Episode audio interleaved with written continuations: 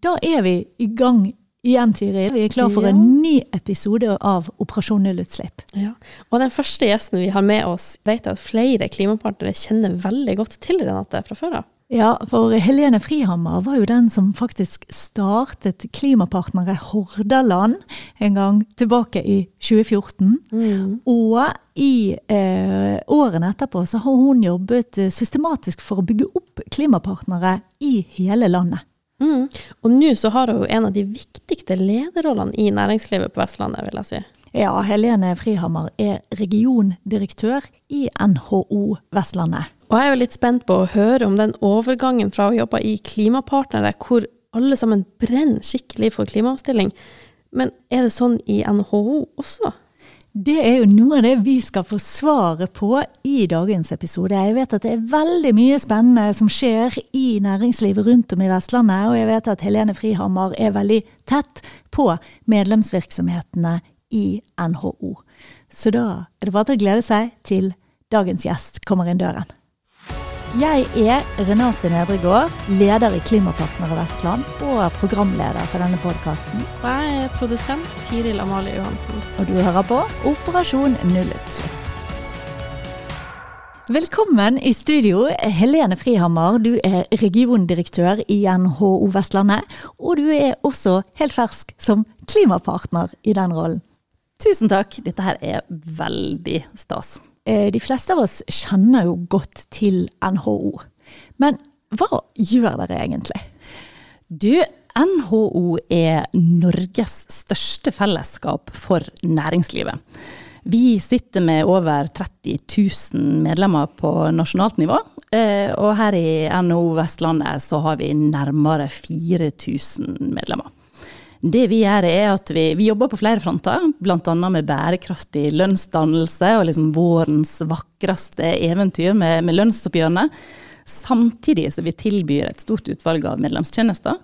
Eh, og så jobber vi selvfølgelig veldig mye med rammebetingelser og med politikk, både regionalt og nasjonalt.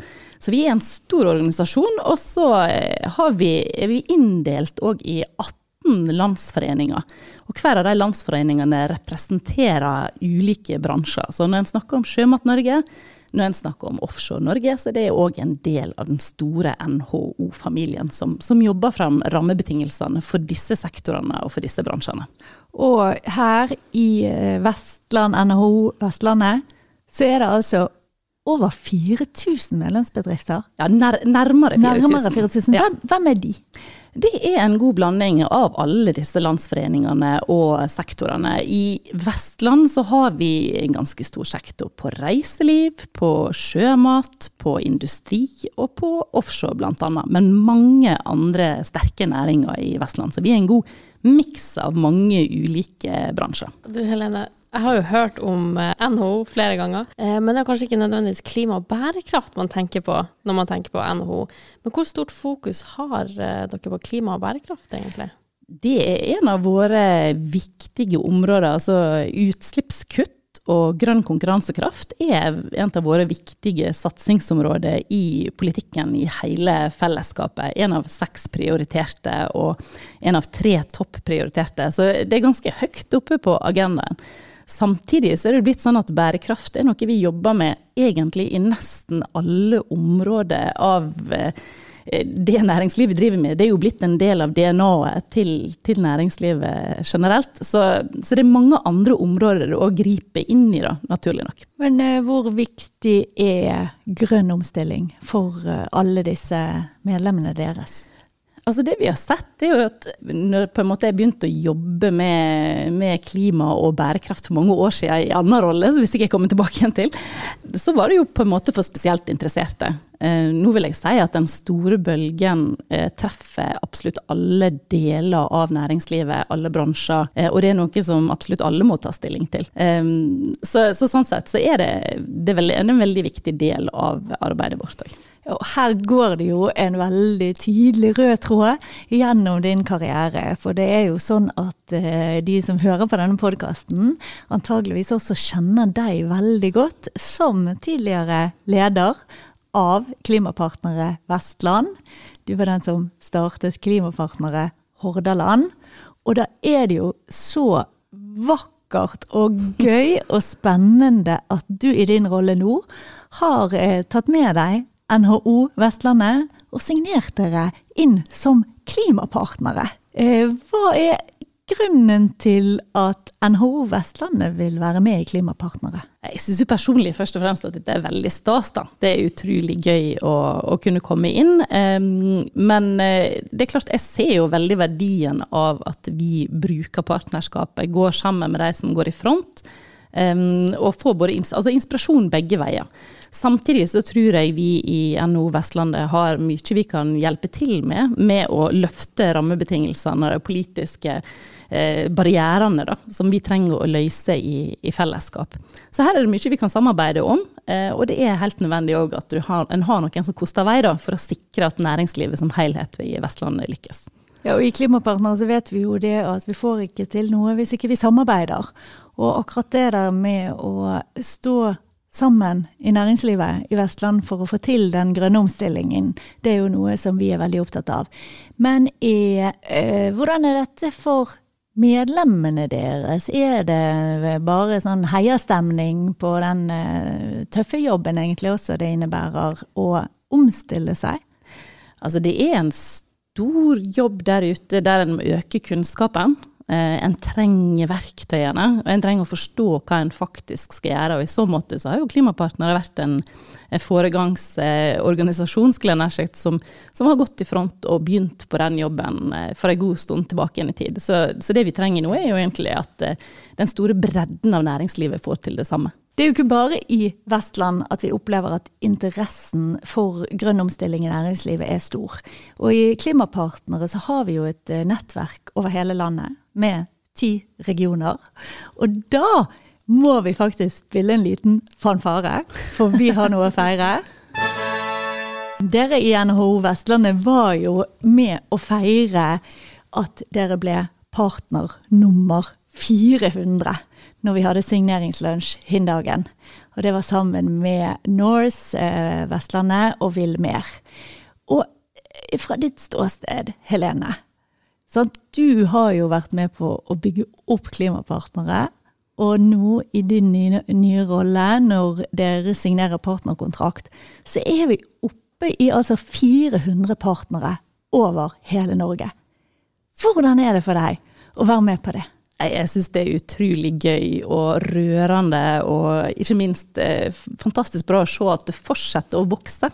Eh, og det er så enormt viktig. Så for min del så er det bare utrolig stor glede over at en, eh, nå treffer 400 partnere. Og ekstra stas å få lov til å være en av dem, da. Jeg begynte jo i Klimapartner etter at du slutta, Helene. Og jeg vet jo at du var leder for Vestlandet før, men mer av historien kjenner jeg jo egentlig ikke til. Kan ikke du fortelle litt om hvordan det starta? Ja, her, For min del så starta reisa i 2013 tenker jeg. Eh, men heldigvis så hadde jo da Agder allerede oppretta denne her metodikken eh, i 2008, var det vel? 2006, 2008. Og hadde utarbeida en metode for å jobbe systematisk med klimagassreduksjon og grønn næringsutvikling. Um, og så hadde den gang Hordaland fylkeskommune i samarbeid med Norsk Klimastiftelse en diskusjon rundt hvordan skal du aktivisere næringslivet, for veldig mye av utslippene og den grønne næringsutviklingen må jo skje hos næringslivet. Så da tok jeg et sveip for å prøve å finne ut ja, hvor var den beste metoden, og landa da på, på, Klimapartnere, som en fikk en avtale med, med Agder til å importere hit. Og derifra så tok jeg da eh, tak i det og bygde opp sammen med gode, gode støttespillere, eh, klimapartnere, den gang Hordaland, da, og så etter hvert så ble det Vestland. Og så fikk jeg jo òg ei nasjonal rolle med å rulle ut eh, dette konseptet egentlig til, til, hele landet. Så nå er det vel, så vidt jeg kan forstå, sterkt oppe å stå i, i alle fylkene. Så det er veldig, veldig kjekt å se at det er stort og sterkt, og jobber godt regionalt. Og Min filosofi er at en trenger disse partnerskapene og nettverkene regionalt og lokalt, for det handler så mye om å sparre med hverandre, eh, mm. backe hverandre, dele kunnskap, ha kjennskap til hverandre. Så eh, fantastisk kjekt å se at eh, åtte år etter jeg begynte å jobbe med det, så er det i beste velgående og sterkere enn noen gang. Nå er det jo som du sier mange år siden eh, det mm. starta i eh, det som før da var Klimapartner Hordaland. Hvordan eh, føler du interessen har endra seg? Det er jo veldig morsomt. For i starten så kan jeg huske altså Jeg kom jo fra det private næringslivet og jobba som konsulent bl.a. i mange år. Um, og det var mange som lurte på hva du driver med. Så nå skal du plutselig hoppe over til dette klimagreiene. Hva, hva er poenget med det? Så det ble jo sett på Det er fort gjort å tenke at det alltid har vært stort fokus, men den gang så var det litt sånn kuriositet, og vi var nesten litt søte som holdt på med det. Mm. Eh, nå er det skulle nær sagt hardcore business og er helt inne i kjernen av virksomhetene. Finansnæringen særlig har jo jobba veldig godt med, med klima og grønn omstilling og har fått det innført gjennom taksonomi og mange av de regelverksendringene som nå kommer, og, og som vil bli påvirka av, av, EU. Så det er store, sterke krefter der ute um, som definitivt har en helt annen driv enn at det bare er kjekt å ha. Det er rett og slett need to have, ikke nice to have. Jeg regner med at dette er noe av det du virkelig har jobbet for å få til fra starten, og at eh, du hadde noen ideer om at dette var viktig for hele næringslivet. Eh, hva tror du er årsaken til at det nå har lykkes med det? At dette er need to have for mm. næringslivet?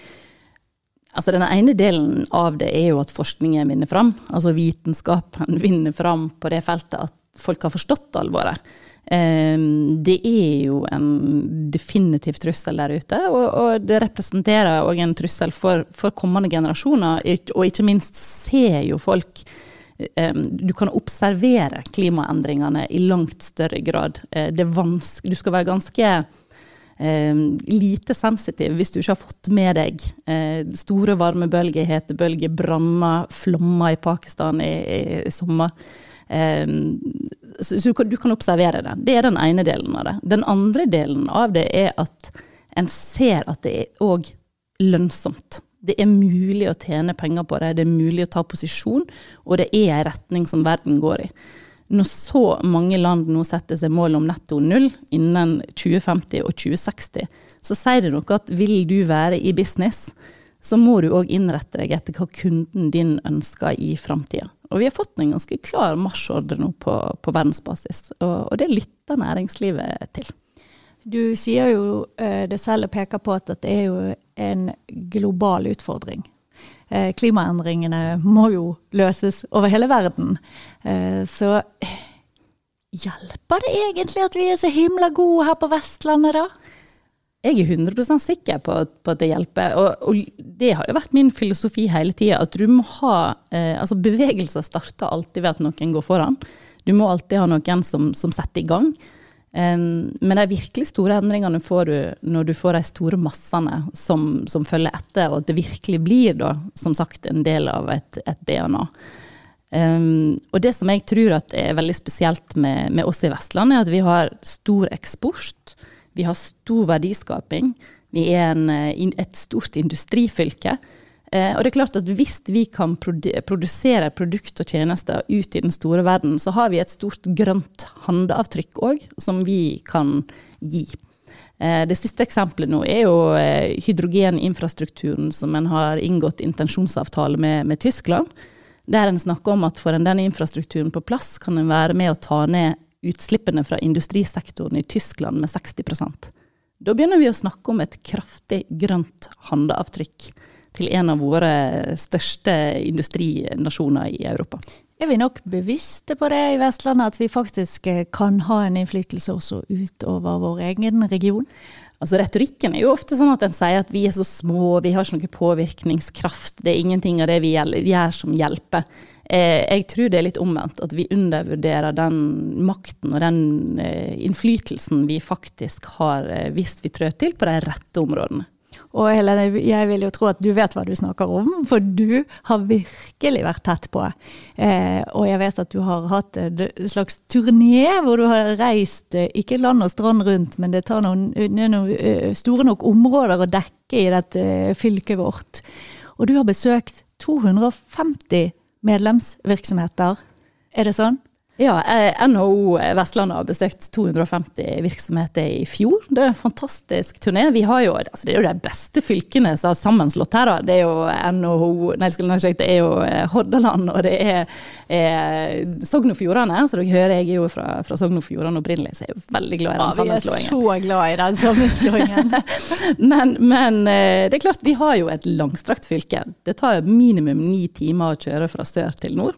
Så det er spennende. Men vi har vært ute og tatt tempen, da, som sagt, med 250 bedrifter i løpet av 2022. Og hva forteller disse bedriftene til deg? Altså Akkurat nå så er det jo et varierende teppe. Vi har, eh, Hvis vi skal se på det litt sånn større perspektiv, da, så er jo det en stor mengde utfordringer som treffer næringslivet på én og samme gang. Det er nesten den perfekte storm. Du har både utfordringer med at vi er kommet ut av, eller forhåpentligvis er kommet ut av en pandemi. Uh, det har uh, vært en hard trøkk for mange bedrifter.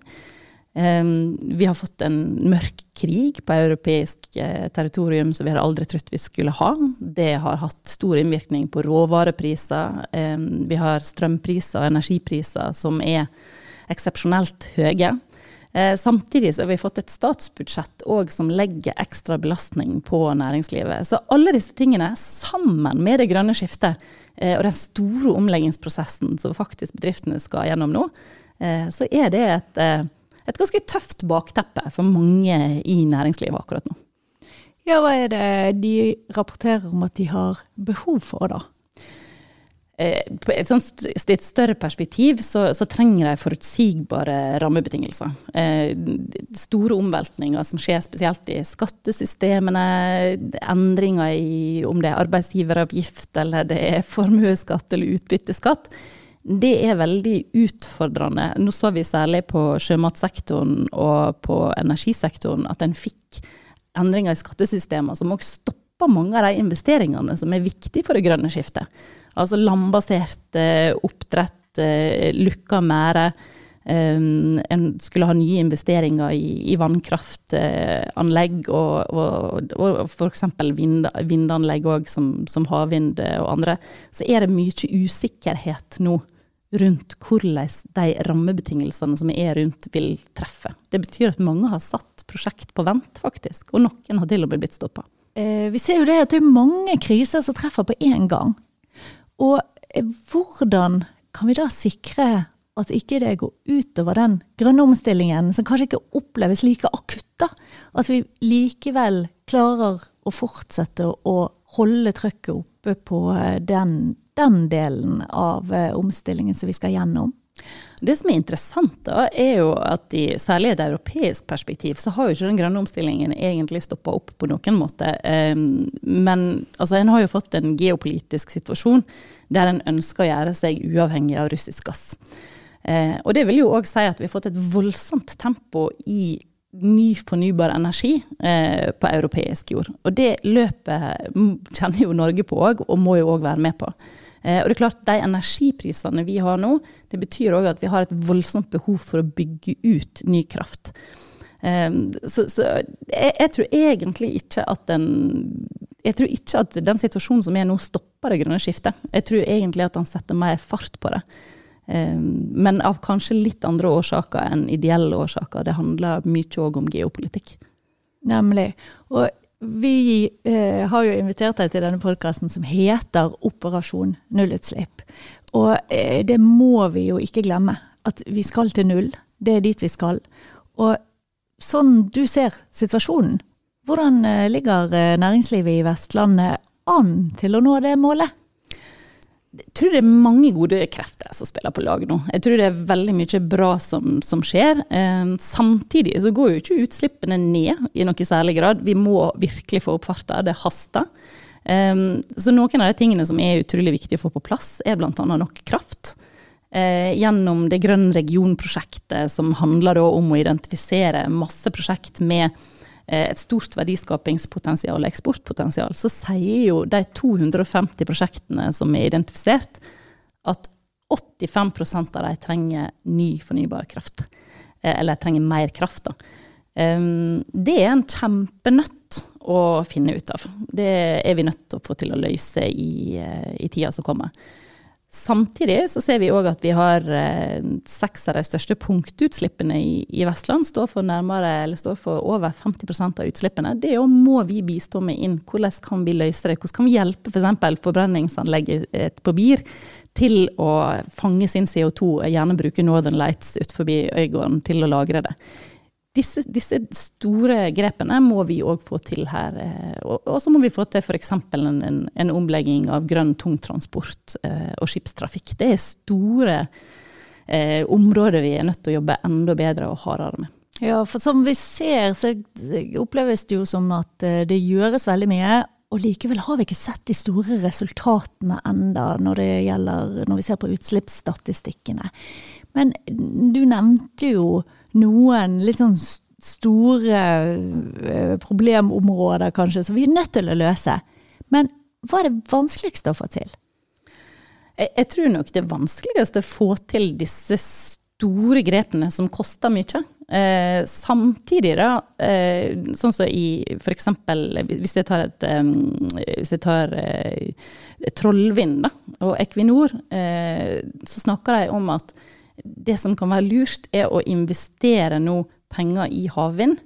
Eh, sånn at en slipper å betale de samme summene i CO2-avgift. Og det syns jeg er en veldig interessant tanke. At du investerer eh, pengene i, eller midlene nå i nåtid. Eh, som gjør at du slipper å betale avgiftene. Men det betyr òg at du har putta penger på en industri som du muligens kan både eksportere og ta posisjon på globalt. Eh, så, så, disse grepene her tror jeg vi må få til i flere, flere områder, og særlig på disse store industriutslippspunktene våre. Er det noe du ser at næringslivet i Vestland har potensial til å bli virkelig god på? Definitivt. Altså, nå syns jeg jo særlig det med, med grønn region at vi har eh, tatt tak i industriell symbiose. At en har identifisert 16 sånne huber som kan samarbeide og virkelig løfte ulike prosjekt på tvers. Det tror jeg er et veldig spennende område. Dette begrepet industriell symbiose, Helene, det snakker vi så mye om, vi er så glad i det. Men vi må nesten forklare det. Hva betyr det egentlig? Industriell symbiose betyr ganske enkelt forklart at hvis du har overskuddsmateriale på én plass, så kan det nyttiggjøres av en annen aktør.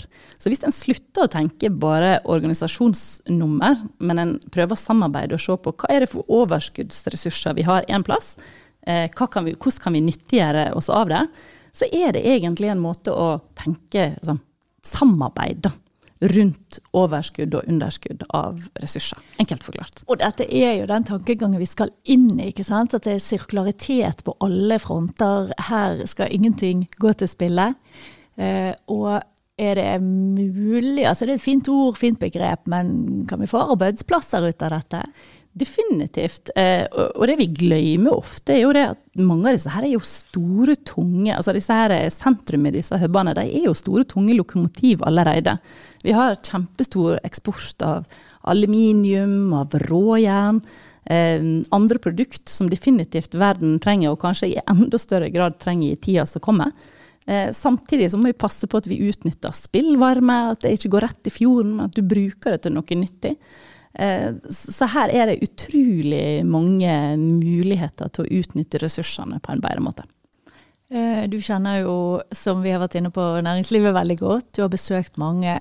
Er det en optimisme? Er det tro på at her har vi faktisk noe å leve av i det nullutslippssamfunnet vi sikter oss inn mot? Jeg tror dess mer vi jobber med det, dess mer ser en hvordan det bildet ser ut. Men det er klart det er ingen silver bullet som skal erstatte den største næringen vi har. Vi, har nødt, vi er nødt til å bygge opp mange bein å, å stå på. Eh, og det er en møysommelig prosess, og jeg tror vi er nødt til å ta det på største alvor at de neste par tiårene så er vi nødt til å jobbe intenst med, med akkurat det. da, Og diversifisere porteføljen av produkt og tjenester vi tilbyr fra Norge. Og, og passe på at vi tar posisjon på det internasjonalt. Har du et ønske til ø, politikerne eller de som setter rammebetingelser? Hva skal til for å liksom akselerere denne omstillingen i næringslivet? Jeg bruker jo ofte å snakke om et Team Vestland. Da. Et partipolitisk uavhengig nesten prosjekt. At en, en, prøver å se på hvordan kan vi samarbeide på tvers. Hva barrierer er det? Hvordan kan vi løfte disse og fjerne disse barrierene sammen? Eh, det har jeg veldig veldig tro på. Jeg har tro på det både i politikken, jeg har tro på det på tvers av organisasjoner, i trepartssamarbeidet sammen med, med både fylket og LO og arbeidstakerne. Um, så, jeg, så, jeg, tror det er en sånn her eh, alle mann på dekk-stemning, rett og slett, som, som vi må skape. da.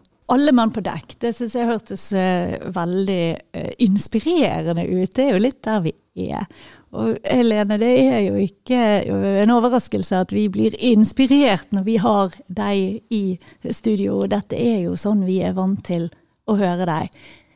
Hvor får du denne optimismen og driven fra? Eh, jeg tror jeg er ganske optimistisk anlagt, eh, og en kan jo fort bli litt sånn pessimistisk hvis en ser på, på vitenskapen og en ser på, på tallene.